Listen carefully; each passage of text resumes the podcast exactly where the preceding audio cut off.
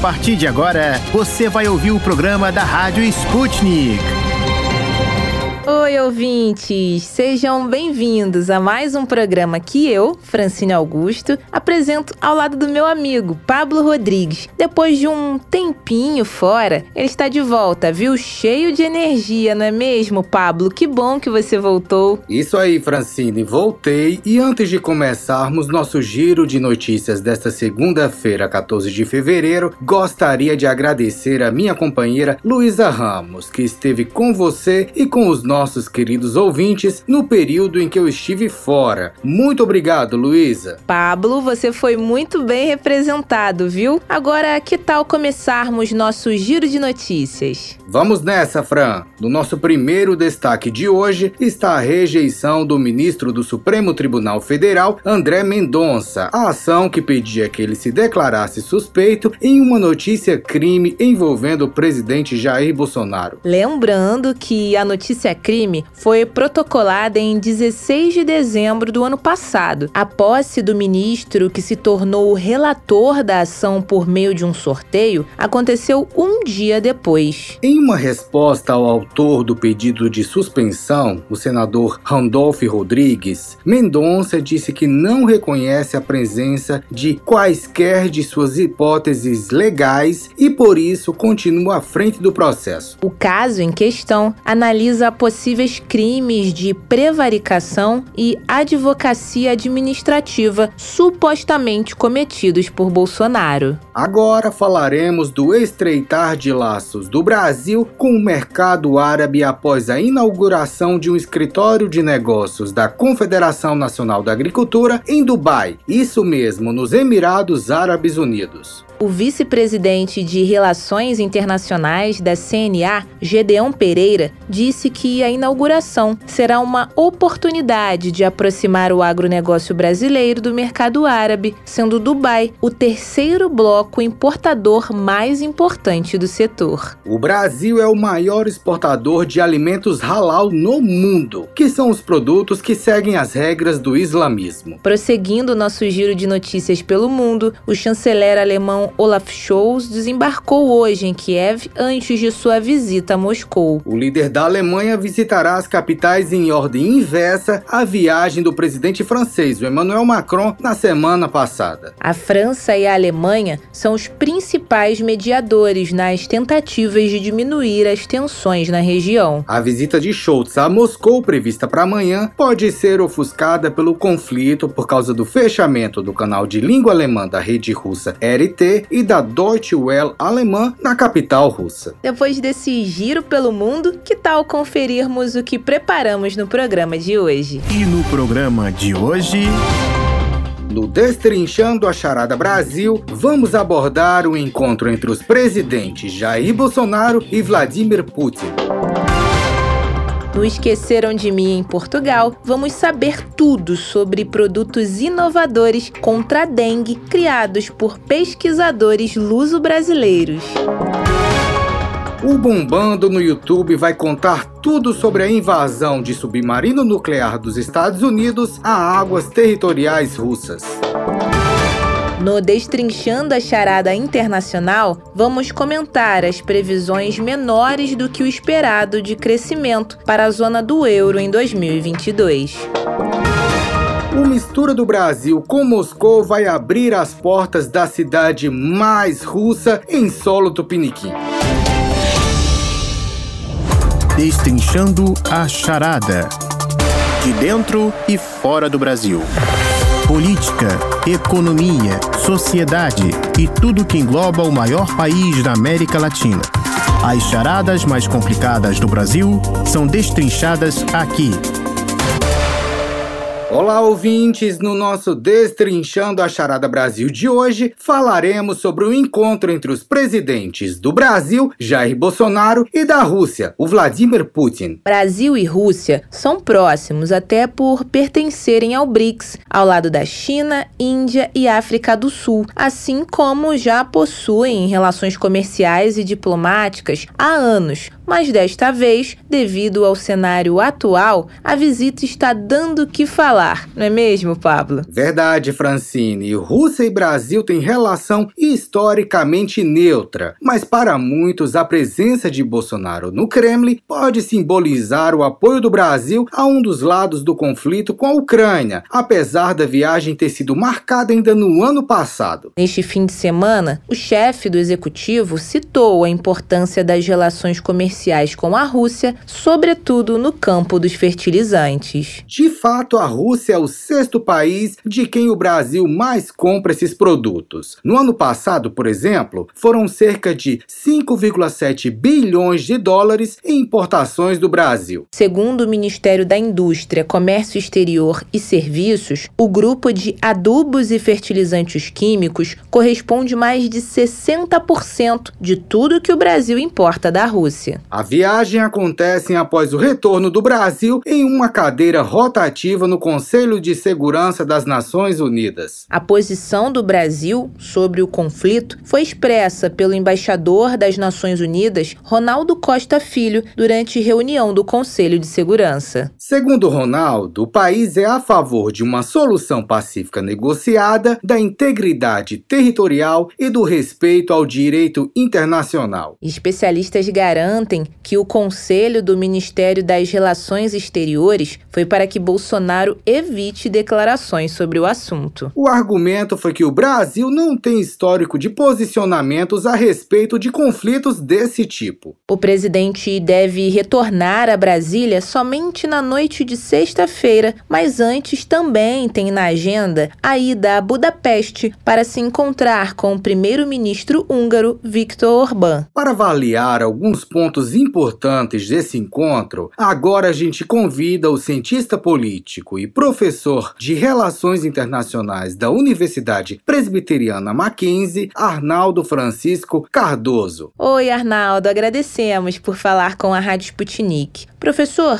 nesse encontro entre Bolsonaro e Putin, podemos afirmar a possibilidade de um estreitar de laços mais intensos entre Brasil e Rússia? As relações exteriores do Brasil historicamente se pautaram pela defesa da paz e do diálogo entre as nações. Pela própria configuração dos seus recursos de poder, a diplomacia é a principal ferramenta do Brasil para a afirmação de sua identidade internacional. Diante de outras crises internacionais, o Brasil já exercitou sua habilidade de mediação, mas na região hoje em crise, o país tem pouquíssima relevância. O jogo ali é de gente grande. Putin está em posição de vantagem. Biden é reativo. A iniciativa tem sido de Putin. Também não se pode esquecer que na composição desse tabuleiro é muito significativo o peso da relação estratégica de Putin com Xi Jinping, com a poderosa China, que também vive situação de tensão com os Estados Unidos. Em um contexto de extrema gravidade como que estamos vivendo, o legado da diplomacia brasileira recomenda que o governante de plantão renove os valores tradicionais com que o país tem orientado suas relações com a Rússia e com as outras potências mundiais.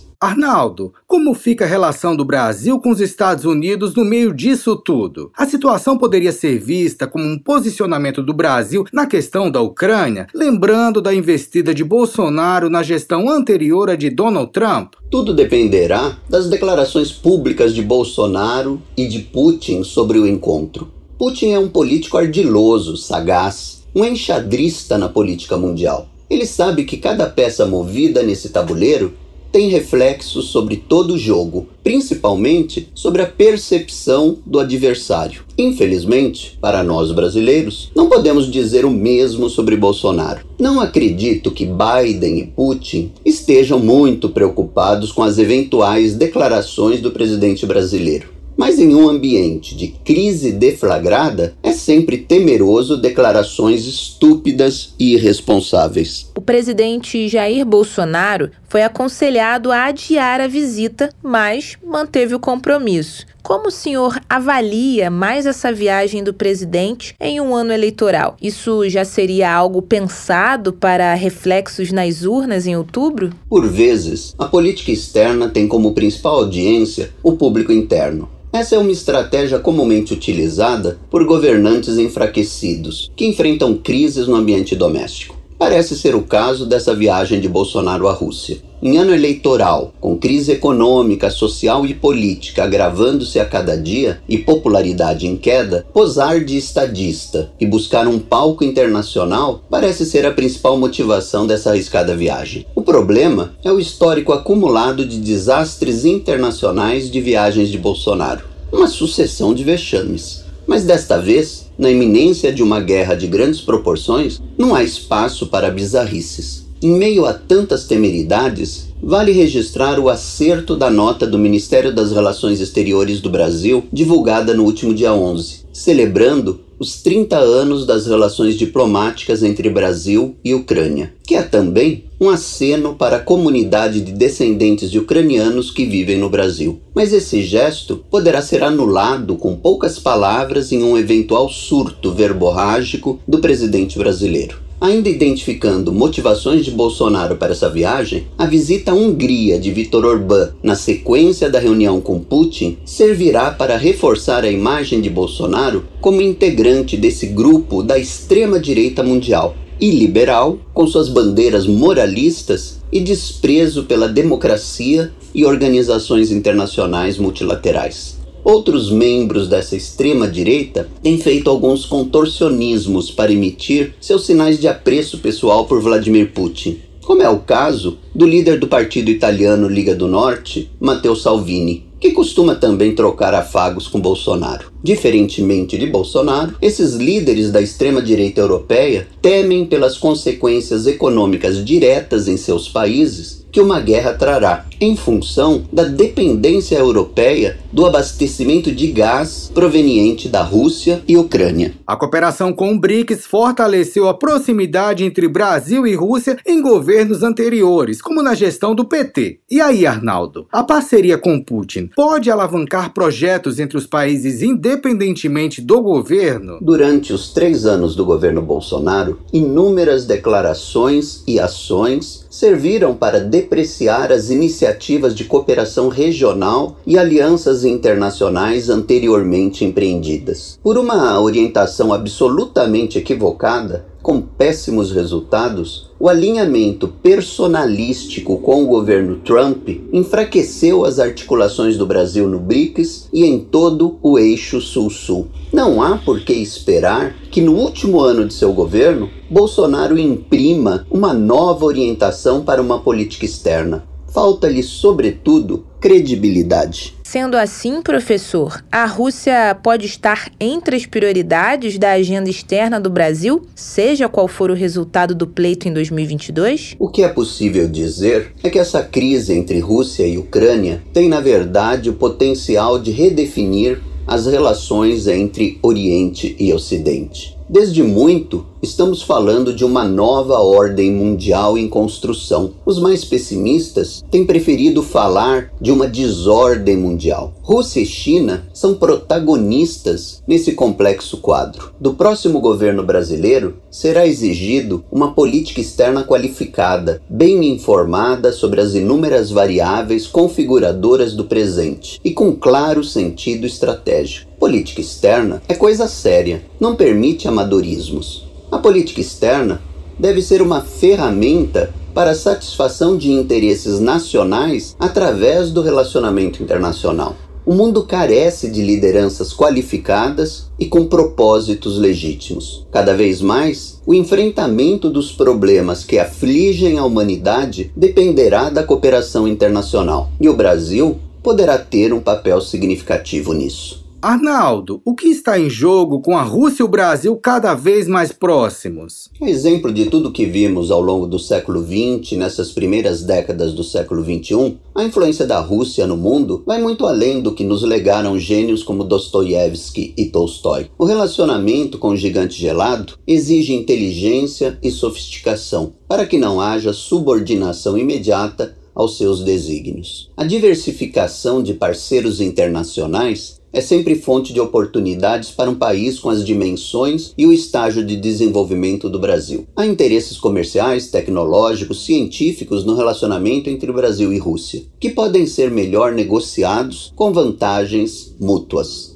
Devemos acreditar que o Brasil voltará a trilhar os caminhos percorridos por competentes diplomatas que acreditaram numa inserção soberana, altiva e responsável do Brasil no mundo. Professor, muito obrigada por dividir seus conhecimentos com os nossos ouvintes. Foi uma satisfação para mim e espero que em nossa próxima conversa tenhamos menos nuvens no horizonte. Essa é a nossa torcida, professor Arnaldo. Este foi o cientista político e professor de Relações Internacionais da Universidade Presbiteriana Mackenzie, Arnaldo Francisco Cardoso, caros ouvintes. Nosso bate-papo estava tão bom que passou rapidinho, mas amanhã tem mais. O Destrinchando a Charada Brasil de hoje fica por aqui. Até!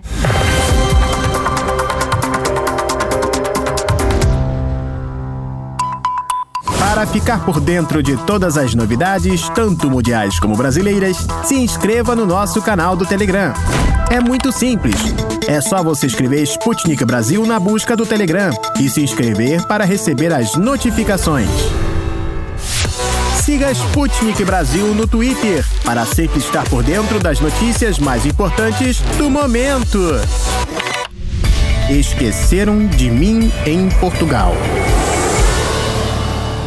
Senhoras e senhores passageiros, apertem os cintos de segurança porque estamos prestes a decolar rumo a Portugal. A tripulação Sputnik Brasil deseja a todos uma ótima viagem.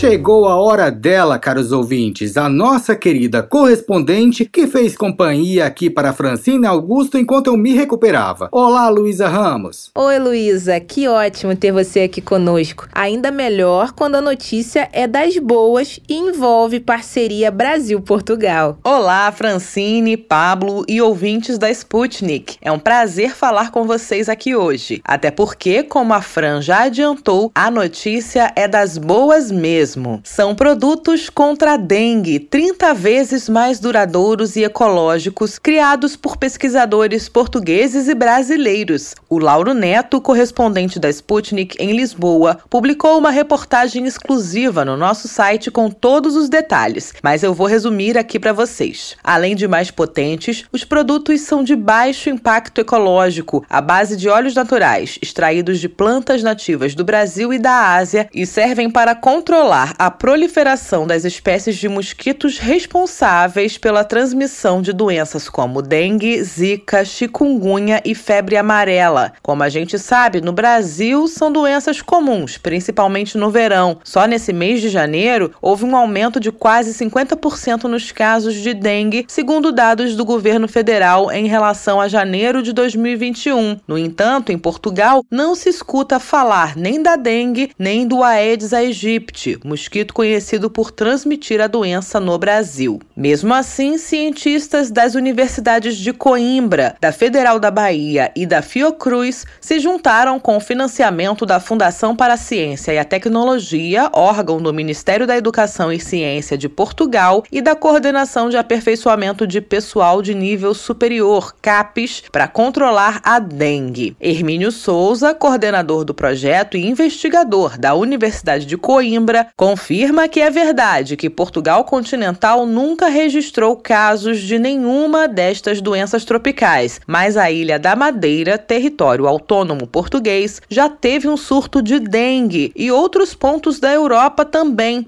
o que levou o país lusitano a atentar para a possibilidade de a dengue se tornar um dia endêmica na Europa. Vamos ouvir o que conta Hermínio de Souza. E houve também em Itália recentemente um surto de chikungunya, não com o Aedes aegypti, mas com um mosquito do mesmo género, e que também é um mosquito vetor destas doenças, que é o Aedes albopictus, que existe na Europa e existe em Portugal. Daí o nosso receio. Ou seja, com as alterações climáticas e com a constante circulação de pessoas e mercadorias resultantes da globalização, é natural que os países do sul da Europa, Portugal, Espanha, Itália, Grécia, Croácia, Malta, bem como os países do norte de África, Marrocos, Argélia, Tunísia, que possam vir a ter alguns destes surtos destas doenças. Para mais, este mosquito que existe na Europa, o Aedes albopictus, é um mosquito que também resiste melhor temperaturas mais baixas e também a maiores condições de umidade, o que é, portanto, um problema.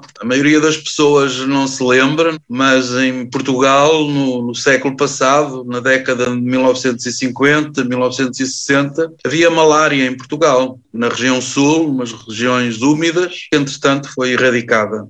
Por causa da pandemia da Covid-19, a dengue e as outras doenças relacionadas aos mosquitos muito comuns em território brasileiro acabaram sendo maquiadas nos últimos dois anos. E o projeto, segundo Hermínio de Souza, que se iniciou em 2018, também atrasou. As universidades envolvidas aguardam oportunidades de financiamento para completar a pesquisa por mais dois ou três anos, para por fim tentar levar os produtos para os mercados em larga escala mas ainda não há previsões. Por hoje ficamos por aqui com mais uma parceria luso-brasileira super interessante contada na reportagem de Lauro Neto no site da Sputnik. Até amanhã, caros ouvintes. Olha que curioso, eu nem imaginava que havia preocupação com a possibilidade de um dia a dengue vir a se tornar doença endêmica no continente europeu. Pois é, nem eu. Mas realmente melhor prevenir desde já, mesmo que ainda não haja nenhum registro de surtos na Terrinha, os pesquisadores têm razão em pensar nas consequências das alterações climáticas. O mundo está mesmo uma loucura. A gente aproveita e convida nossos queridos ouvintes para lerem a reportagem completa da entrevista do nosso correspondente em Lisboa, Lauro Neto, no nosso site. O site é br.sputniknews.com. Procure na busca pelas palavras-chave dengue Portugal ou direto pelo nome nome do Lauro Neto e verá todas as últimas publicações do nosso correspondente. Lauro, muito obrigado. E claro, agradecemos a Luísa Ramos por ter trazido as informações em forma de áudio para nós aqui no programa.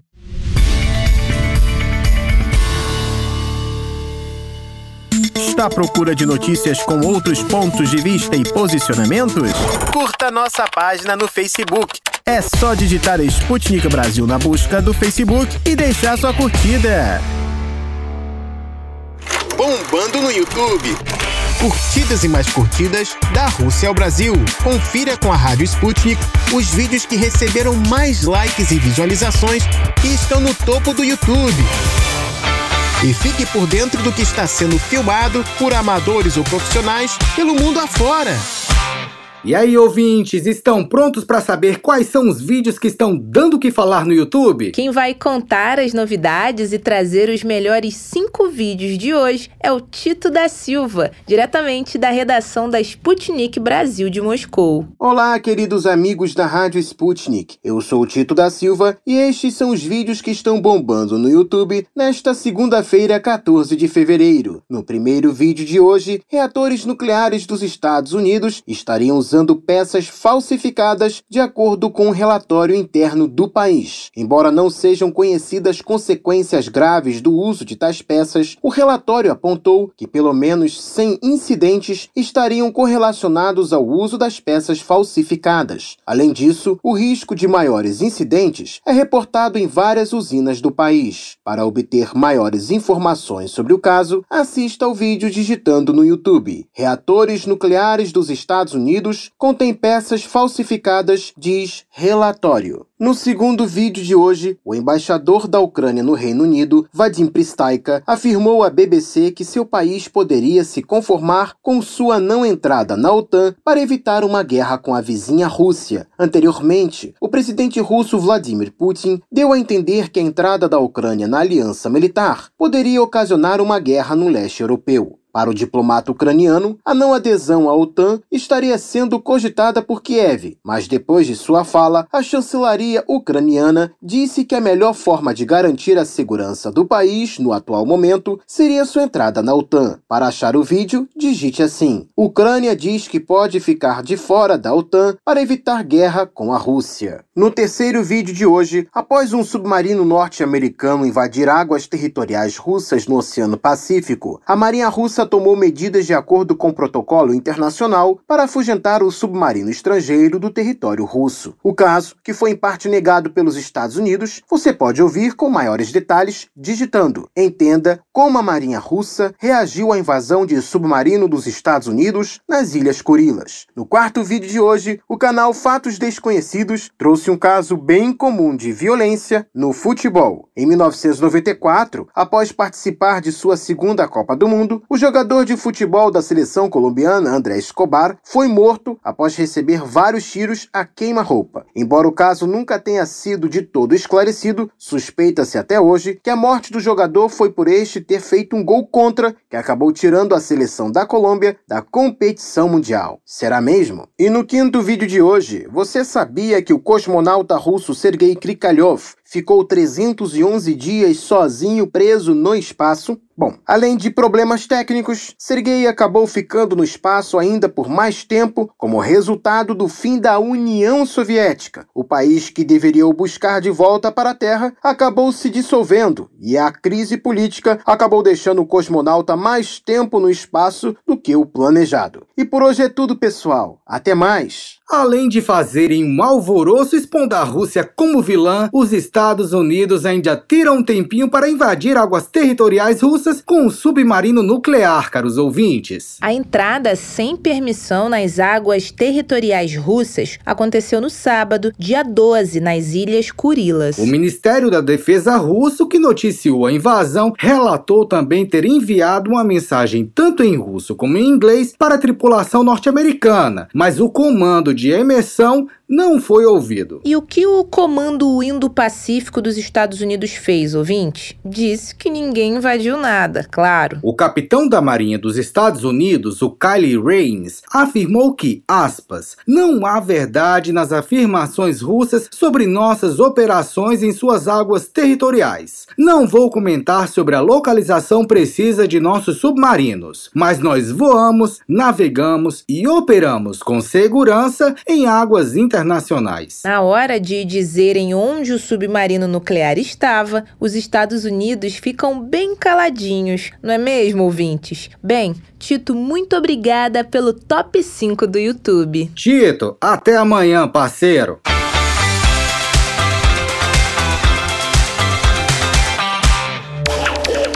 Tem alguma dúvida ou comentário sobre a Rádio Sputnik? Você pode entrar em contato com a gente através do e-mail radio.br@sputniknews.com. Siga Sputnik Brasil no Twitter para sempre estar por dentro das notícias mais importantes do momento. Destrinchando a charada. Encruzilhada Internacional. Relações políticas, socioeconômicas e muito mais entre as nações deste mundão. Da Rússia aos Estados Unidos. Encontre com a gente as respostas às perguntas do momento. Caros ouvintes, no nosso primeiro Destrinchando a Charada Internacional desta semana, vamos entender os motivos que levam a economia da zona do euro a crescer menos que o esperado este ano. Segundo as previsões econômicas atuais, há fatores expressivos, como problemas de produção de bens de consumo, energia cara e inflação, que atrasam uma recuperação mais rápida dos países europeus que usam a moeda euro. Segundo informou a Comissão Europeia na quinta-feira, dia 10, as novas estimativas apresentadas preveem que a economia da zona do euro deva fechar 2022 com crescimento de 4%, ou seja, abaixo das previsões publicadas em novembro, de 4,3%, caros ouvintes. O PIB geral dos países da União Europeia, que são os 27, incluindo aqueles que não usam a moeda única, deve aumentar 2,8% em 2023 e o crescimento econômico dos usuários do euro para 2023 também é esperada nesta faixa, pelos 2,7%. A Comissão Europeia espera que a inflação este ano não ultrapasse 3,5% para a zona do euro e que seja um pouco mais alta para o bloco como um todo, em torno de 3,8% em 2022. As expectativas são parecidas, principalmente por conta do cenário semelhante da fase fase de pós-pandemia que todos os países, mesmo os que usam ou não o euro dentro do bloco europeu, passam juntos. Para entendermos melhor se o fermento de recuperação no bolo europeu será eficiente ou não desde a recessão forte de 2020, convidamos a Carolina Pavese, doutora em Relações Internacionais, professora e coordenadora do Núcleo de Estudos e Negócios Europeus na ESPM. A Carolina é especialista em União Europeia e organizações internacionais, ou seja, ninguém melhor do que ela para analisar o tema. Muito obrigada pela presença, Carolina Pavese. Primeiro, professor, eu gostaria que você explicasse para os nossos ouvintes a diferença em falar sobre o PIB do bloco como um todo e quando falamos de crescimento da zona do euro especificamente. Dentro desse bloco, estamos falando de 27 economias extremamente heterogêneas e nós vamos ter dois níveis diferentes de integração. O primeiro são os países que param ali no que a gente vai chamar de um mercado comum, e depois a gente tem os outros países que vão participar já de um processo de integração mais avançado, que é a União Econômica e Monetária, que foi iniciada em 1993. Dentro desse bloco da União Econômica e Monetária, a gente vai ter a chamada Zona do Euro. A zona do euro vão ser os países que partilham de uma moeda única, então que abriram mão de suas moedas nacionais para adotarem a moeda única do bloco, e isso implica numa série de adesão a políticas econômicas e monetárias comuns, inclusive políticas que vão estabelecer metas fiscais para gastos públicos e de controle da inflação. Dentro desse bloco chamado zona do euro, nós vamos ter 19 economias. Então ainda há uma grande heterogeneidade aí dentro.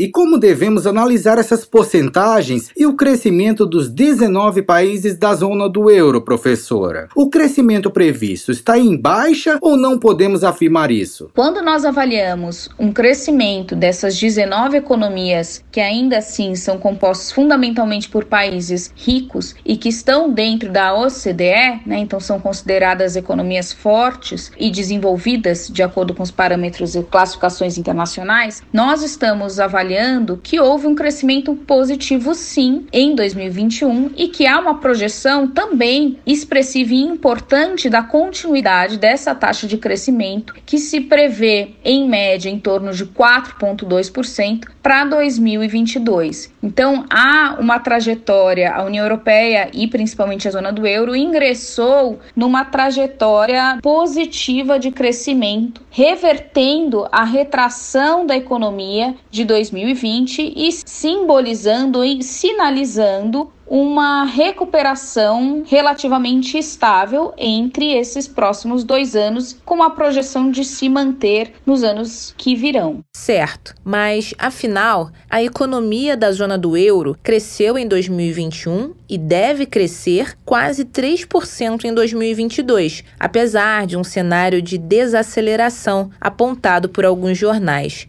Pode nos explicar quais foram os principais motivos para o crescimento do ano passado e por que ele deve ser reduzido este ano, Carolina? Isso se deve esse crescimento em 2021 se deve muito à eficácia do processo de vacinação na zona do euro. Em média, nós temos 75% da população vacinada, o que permitiu medidas de flexibilização do isolamento, e com essa flexibilização houve um retorno do consumo da população. Houve também um aquecimento de alguns setores importantes da economia, como, por exemplo, o turismo. Trouxe o que já era se esperado, uma demanda reprimida reprimida por mais bens e serviços e que, consequentemente, injetou mais dinheiro na economia e reaqueceu-a. Isso, então, a gente explica esse crescimento de 2021. Associado a isso, o que foi fundamental foram as medidas de financiamento e os fundos aplicados e criados pela União Europeia para a recuperação econômica, que foram fundamentais para manter não só o setor privado em pé, como também para garantir uma renda mínima a população que teve suas remunerações e suas atividades econômicas prejudicadas, inclusive com uma alta do desemprego por causa da pandemia. A questão agora para 2022 é que esse entusiasmo ele tende a diminuir e aí a gente vê alguns desafios colocados, como por exemplo, uma pressão inflacionária muito grande no bloco, como um aumento desse desemprego,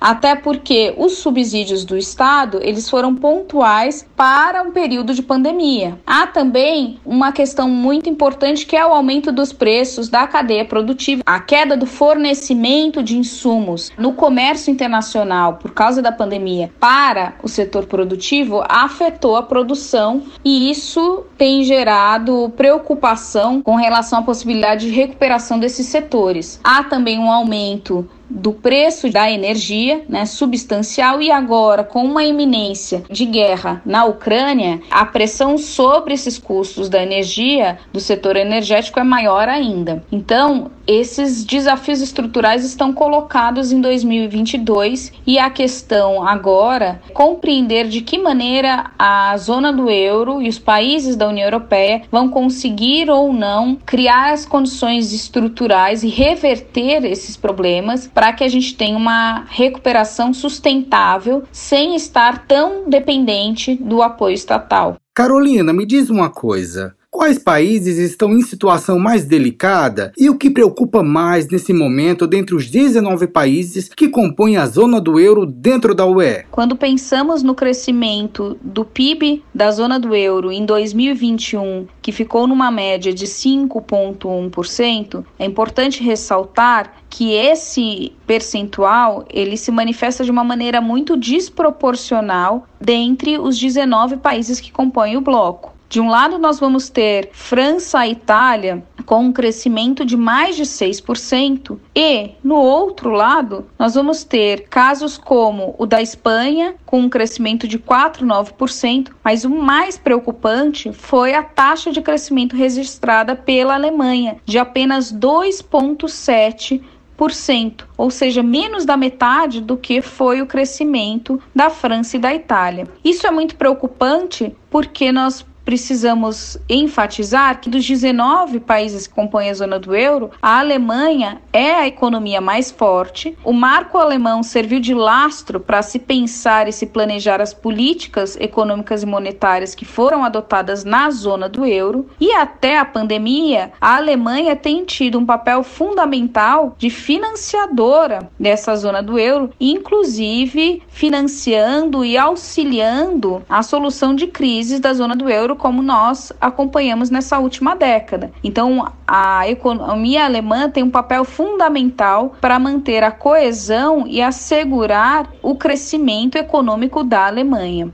Essa queda no PIB, essa taxa de crescimento muito baixa da Alemanha, se deve sobretudo à crise do setor industrial, do setor energético, então os gastos com energia, e também com uma disruptura criada nas cadeias produtivas globais que fornecem insumos para essa indústria alemã, que é o carro-chefe, o eixo central da economia alemã, que é uma economia fundamentalmente exportadora de bens industrializados, de alto valor agregado. Então, essa condição que levou a um crescimento muito baixo da economia alemã, e isso é muito preocupante. Se isso não for revertido em 2022 e em 2023, a tendência é que a gente tenha um reflexo negativo na taxa de crescimento do bloco inteiro. Realmente, há algum tempo, analistas e o próprio Banco Central alemão alemão vem apontando para uma desaceleração do crescimento da Alemanha. E como sabemos, por ser um dos países mais fortes e importantes da União Europeia, a menor expressividade de crescimento puxa junto todo o bloco. Bom, professora, vamos ter uma segunda parte amanhã com sua participação para destacarmos o significado do crescimento positivo do país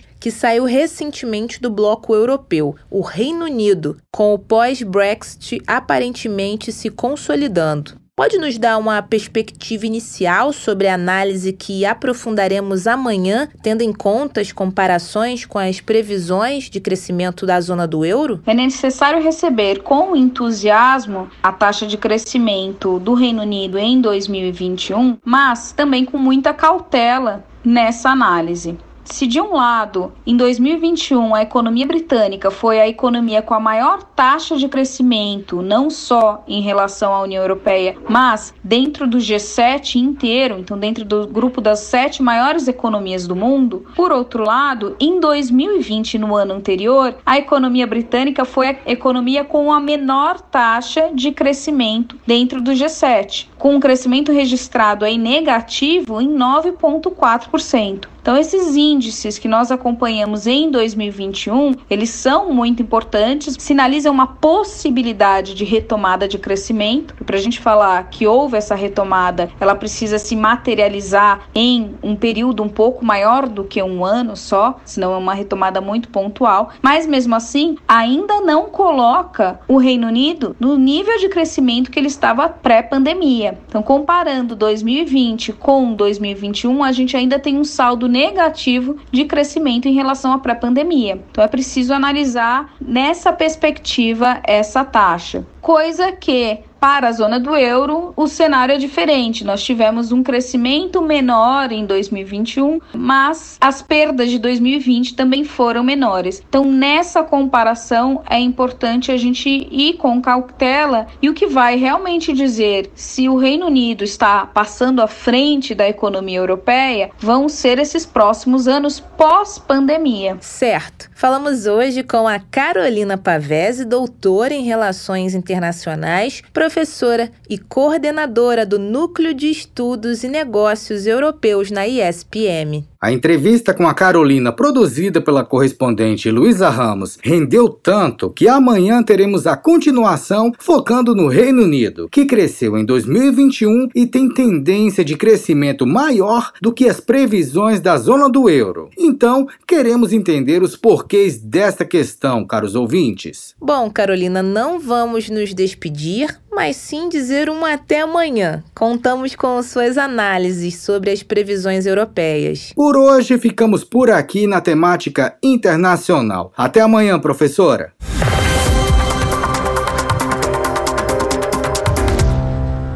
Os vídeos mais esperados estão disponíveis no nosso canal no YouTube. Para encontrá-lo é fácil.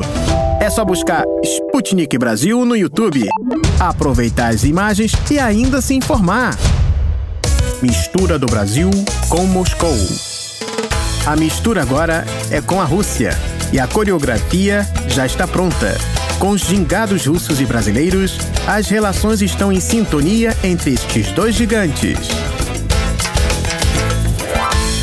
Chegou a hora de conhecermos a cidade mais russa do Brasil, caros ouvintes. Ela fica localizada no Rio Grande do Sul e se chama Campina das Missões. Verdade, Pablo? Verdade, Fran. E nada melhor do que falar com um campinense para conhecer esse pedaço da Rússia no Brasil. Temos o prazer de receber na Rádio Sputnik o pesquisador Boris Abalotsky. Boris, você tem muitos parentes vivendo em Campina das Missões. Quem mora lá? Sim, eu tenho os meus pais que moram, residem em Campina das Missões, tenho alguns tios que moram lá, primos, primas, enfim. A família Zabolotsky em Campina das Missões é bastante grande. Ô Boris, você poderia contar a história de Campina das Missões para os nossos ouvintes? Bom, Campina das Missões, ela foi colonizada em 1909 por imigrantes russos, migrados principalmente da região da Sibéria, na Rússia, de Krasnoyarsk, de Irkutsk, e eles se instalaram em Campina das Missões, estabeleceram residência na cidade, no município e fundaram o município. É lá também que foi construída a primeira igreja ortodoxa russa no Brasil no ano de 1912. Inicialmente ela era de madeira, depois ela foi aprimorada para construção em alvenaria e ela está lá até os dias de hoje, portanto já tem mais de 100 anos. E a colonização russa Estima-se né, que no Rio Grande do Sul, no início do século XX, chegaram mais de 20 mil imigrantes russos. Grande parte deles se instalaram na região de Campina das Missões, mas como era uma região muito inóspita, né, naquele período, no início do século XX, só tinha era uma região de floresta densa, né, pouco povoada. Muitos deles acabaram imigrando para outros lugares, né? Alguns foram para outras cidades, alguns foram para Porto Alegre, por exemplo, na capital do Rio Grande do Sul, outros foram para Santa Rosa, outros migraram para Argentina, para o Paraguai, para o Uruguai, mas grande parte deles se mantiveram no município de Campina das Missões e possuem famílias, os seus descendentes permanecem até os dias de hoje na cidade. Olhem só, ouvintes, emigraram para o Brasil e criaram seu cantinho russo no Rio Grande do Sul. Boris, ainda bem que muitos russos permaneceram em Campina das Missões. Boris, você falou sobre a Igreja Ortodoxa Russa de São João. Como funcionam os encontros nela? Quem não é ortodoxo pode frequentar? Bom, as divinas liturgias as, na Igreja Ortodoxa ocorrem uma vez a cada duas semanas, aos domingos. Num domingo é celebrada na cidade Campina das Missões, na Igreja do Apóstolo São João Evangelista. Elas são conduzidas pelo padre Pavel Juravlev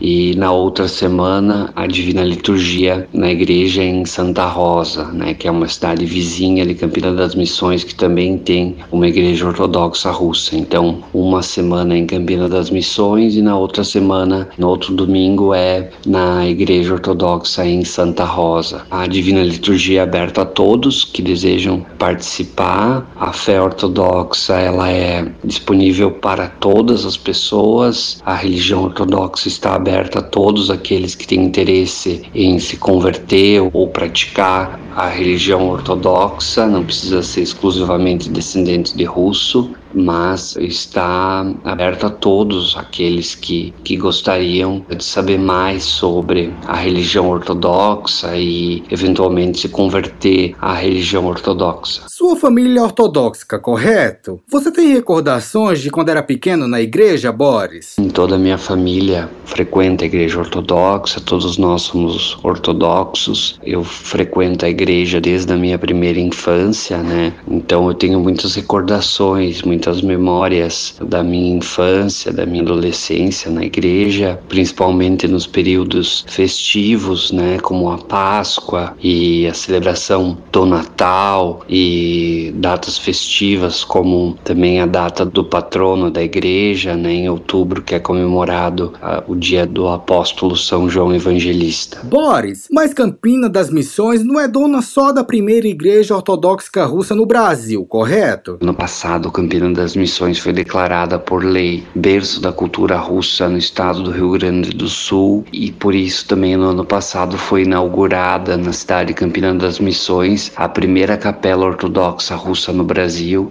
Ela conta com 12 metros de altura, está uma, na Praça São Vladimir, no município Campina das Missões e é em homenagem aos santos Kirill e Metódio, que são os santos responsáveis pela criação né, do alfabeto cilírico, então eles tiveram uma grande importância né, na consolidação do idioma russo na Rússia. A capela é em homenagem exatamente a esses santos. Voltando um pouco no passado, os imigrantes russos de Campina das Missões eram de alguma forma desencorajados a falar sua língua materna? O que eles faziam para preservar o idioma? Bom, grande parte deles, o idioma era preservado nas suas próprias casas, né, entre suas famílias, entre pais e filhos, enfim, os cônjuges de modo geral. Se havia um certo constrangimento de se expressar, falar o idioma russo em público, porque boa parte do século XX o Brasil esteve, digamos assim, numa órbita distinta política, distinta da União Soviética. Se havia uma perseguição ao que representaria né, a União Soviética ou as ideias socialistas, e por eles serem de origem russa e alguns deles terem alguma ligação mais próxima com a União Soviética, era uh, desencorajado em alguma medida esse falar o idioma russo em público, porque poderia estar atrelado ao que a União Soviética, ao que o socialismo representava. Então, durante boa parte do século XX, esses imigrantes foram foram colocados, digamos assim, nessa posição de constrangimento de se expressar em público, justamente em função dessa situação política em que o Brasil estava inserido. E hoje em dia, Boris, o idioma russo ainda é forte entre a população de Campina das Missões? A imigração russa né, em Campina das Missões, ela é muito antiga, mais de 100 anos. A gente está falando da vinda de, em 1909 dos imigrantes. Então hoje nós temos apenas os netos e os bisnetos né, desses imigrantes. Os imigrantes propriamente ditos já faleceram. E claro que isso faz com que não tenha tantas pessoas russas falando russo, né, nativas na cidade. Existem pessoas que falam russo, principalmente da geração dos filhos dos imigrantes, alguns netos, inclusive, que ainda falam o idioma russo e tem muitos que estão aprendendo o idioma russo por cursos na internet ou com professores que procuram, né, pessoas lá da cidade que procuram aprender o idioma, né, dos seus avós ou dos seus bisavós. Então, há essa há nesse sentido, mas por se tratar já, né, de uma imigração que veio já mais de 100 anos, o idioma russo ainda ele é preservado por algumas pessoas no município, mas se encontra essa dificuldade, né, do tempo que passou e tudo mais. Mas o importante é que há muitas pessoas que estão buscando aprender esse idioma, o idioma né, dos seus pais, avós e bisavós. O município também conta né, com o grupo folclórico russo Troika, que é o único do gênero né, de folclore russo no sul do Brasil e já há mais de 30 anos se apresenta em diversos palcos pelo Brasil inteiro e para outros lugares, não só no Brasil, mas na Argentina, no Paraguai, no Uruguai, divulgando né, a cultura, a dança e o folclore russo para além das fronteiras do município. Boris, me tire uma dúvida. É ensinado russo nas escolas da sua cidade? Há letreiros em russos espalhados pelo município? O idioma russo não é ensinado nas escolas, não há também letreiros em russo em apenas alguns lugares assim da cidade específicos que há alguns letreiros em russo, principalmente ali nas redondezas da Igreja Ortodoxa Russa São João Evangelista. Mas dá para comprar produtos russos nos mercados de Campina das Missões, tipo Gretica, que no Brasil é conhecido como trigo sarraceno, ou Smetana, que é aquele creme de leite azedo, marca registrada da Rússia? Especificamente a Gretica e a Smetana não, mas há outros produtos que se encontram nas feiras municipais do produtores rurais, por exemplo, do município, alguns que vendem a famosa kortitsa, que é a mostarda russa, os pelmenies, as muitas pessoas fazem nas suas casas produtos típicos da gastronomia russa, o borscht, svarenik, halupsi, piroshki, esses produtos uh, não vão se encontrar obviamente no supermercado, mas as famílias, muitas delas ainda fazem essa a cozinha russa nas suas casas, né, no seu dia a dia. Boris, muito obrigado por abrir as portas de Campina das Missões para os ouvintes da Rádio Sputnik. Galera, quem quiser conhecer Campina das Missões vale muito a pena. Nós da Rádio Sputnik recomendamos. Conversamos com o cientista político Boris Abalotsky. Boris, um grande abraço.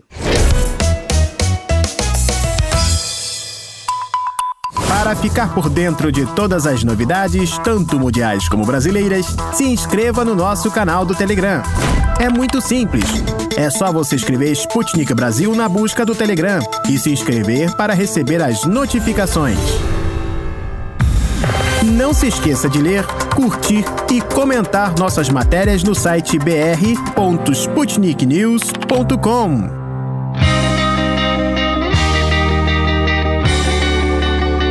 Deu Russo. De notícias bizarras do Brasil já estamos mais que saciados. E as bizarrices que acontecem na Rússia, hein? É outro nível, rapaziada. Ih, deu russo! Sabe aqueles dias que a gente pensa, vai demorar muito para acabar? Depois de um dia longo de trabalho, você entra no metrô ou no ônibus e sonha só com uma coisa: a sua cama. Muita gente sonha com uma cama bem aconchegante, Luísa. Não tem coisa melhor para mim do que depois de um longo dia de trabalho voltar para casa, pedir uma comidinha, assistir alguma coisa na TV e descansar. E o descanso é fundamental, não é mesmo, ouvintes? As pilhas do corpo humano devem ser recarregadas diariamente para a gente aguentar o trampo do dia seguinte. Mas Algumas vezes é no metrô que o estresse já é deixado de lado. Nem precisa esperar para chegar em casa, ouvintes. Querem saber o que é preciso? Nossa, eu estou curiosíssima, porque se no Brasil o metrô não pode ser considerado um meio de transporte relaxante e na Europa, além da demora da chegada dos vagões, ainda tem que enfrentar um arrocha-arrocha de gente, eu não vejo nada que possa ajudar a esquecer os problemas do dia dentro do metrô. Pelo visto, os moscovitas Vitas encontraram a melhor saída, Luísa. Depois de uma desgastante quarta-feira, um passageiro incomum entrou em um dos vagões. E a linha do metrô em questão era a vermelha, ou seja, uma das mais movimentadas de Moscou. Quando menos esperavam, os passageiros que estavam com a cara bem cansada e impaciente acabaram tendo que dividir o vagão com uma alpaca. Isso mesmo, ouvintes, uma alpaca. A alpaca não entrou sozinha no vagão, claro. Com ela estava uma mulher que decidiu não ficar segurando seu animal de estimação pela coleira e deixou a alpaca andando livremente. Toda podada, branquinha, a alpaca saiu, digamos, cumprimentando todo mundo. Era oi para um passageiro, olá para outro, que carente essa alpaca. E ela fazia questão de se aproximar de cada passageiro, que não perdiam a chance de acariciá-la. A alpaca passava e os sorrisos nos rostos dos moscovitas começaram a aparecer. Será que é comum ver pessoas sorrindo no metrô de Moscou? Pergunto porque tem muita gente que fala que lá a galera é mais fechada. Pois é, Fran, o Pablo Rodrigues, que mora em Moscou, até comentou essa semana que é muito difícil ver os russos sorrindo assim de graça, que assim, sem nenhum motivo. Ah, então tem que ter um motivo para sorrir, tipo uma alpaca no metrô, né? Exatamente, Fran. Falando em sorrir, na Rússia, não lembro onde que eu ouvi, mas me disseram que os russos não sorriam no inverno para não quebrar os dentes por causa do frio. Essa dúvida para saber se isso é uma fake news ou não me tirou tanto do sério que eu até perguntei justamente ao Pablo Rodrigues para saber se era verdade. E aí, o que o Pablo falou? Ah, ele disse que não tinha nada a ver, Fran. Ele explicou que o sorriso e a risada são guardados somente para momentos especiais lá na Rússia. Agora imagina só nós duas andando por Moscou, Francine. Com certeza, eu não iria aguentar, sério mesmo. Ia ficar distribuindo sorrisos e gargalhadas e eu acho que você também, né? Lu? Nossa, com certeza, nem me fale. Mas o Pablo Rodrigues já deu uma dica, Fran. É só a gente não tirar a máscara, que aí dá para sorrir bastante sem ficar com peso na consciência de estar mostrando todos os dentes assim sem nenhum motivo especial. Eu vou usar essa dica do Pablo quando for para Moscou e só vou sorrir sem máscara se eu me deparar com uma alpaca no metrô de lá. Pelo visto, sorrir para alpaca está liberado. Olha, quem quiser quiser conferir o vídeo da alpaca no metrô de Moscou e rir um pouquinho, basta entrar no canal da Sputnik Brasil no Telegram. Eu quero ver vocês não se apaixonarem por ela e não darem uns bons sorrisos, ouvintes.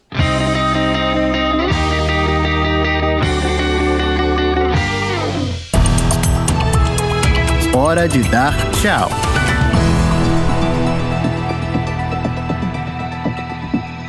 O programa desta segunda-feira, 14 de fevereiro, está chegando ao fim. Queridos ouvintes, vocês não sabem como é bom estar de volta. Seja muito bem-vindo de volta, Pablo. E para todos os nossos ouvintes, saibam que amanhã estaremos aqui neste mesmo horário e mesmo local. Verdade, Fran, e cheios de novidades, entrevistas e histórias daquele jeito que quem nos escuta gosta, ligando o Brasil à Rússia e ao resto do mundo. Não deixem de conferir os assuntos do momento no nosso site br.sputniknews.com, ouvintes. E quem quiser ouvir os nossos programas anteriores, basta entrar em qualquer plataforma de podcast. Estamos no Google, na Apple, no SoundCloud e, claro, no Spotify. Procurem por Mistura do Brasil com Moscou, deem like e compartilhem com amigos o nosso programa. Um abraço forte para todos vocês, ouvintes, e muita força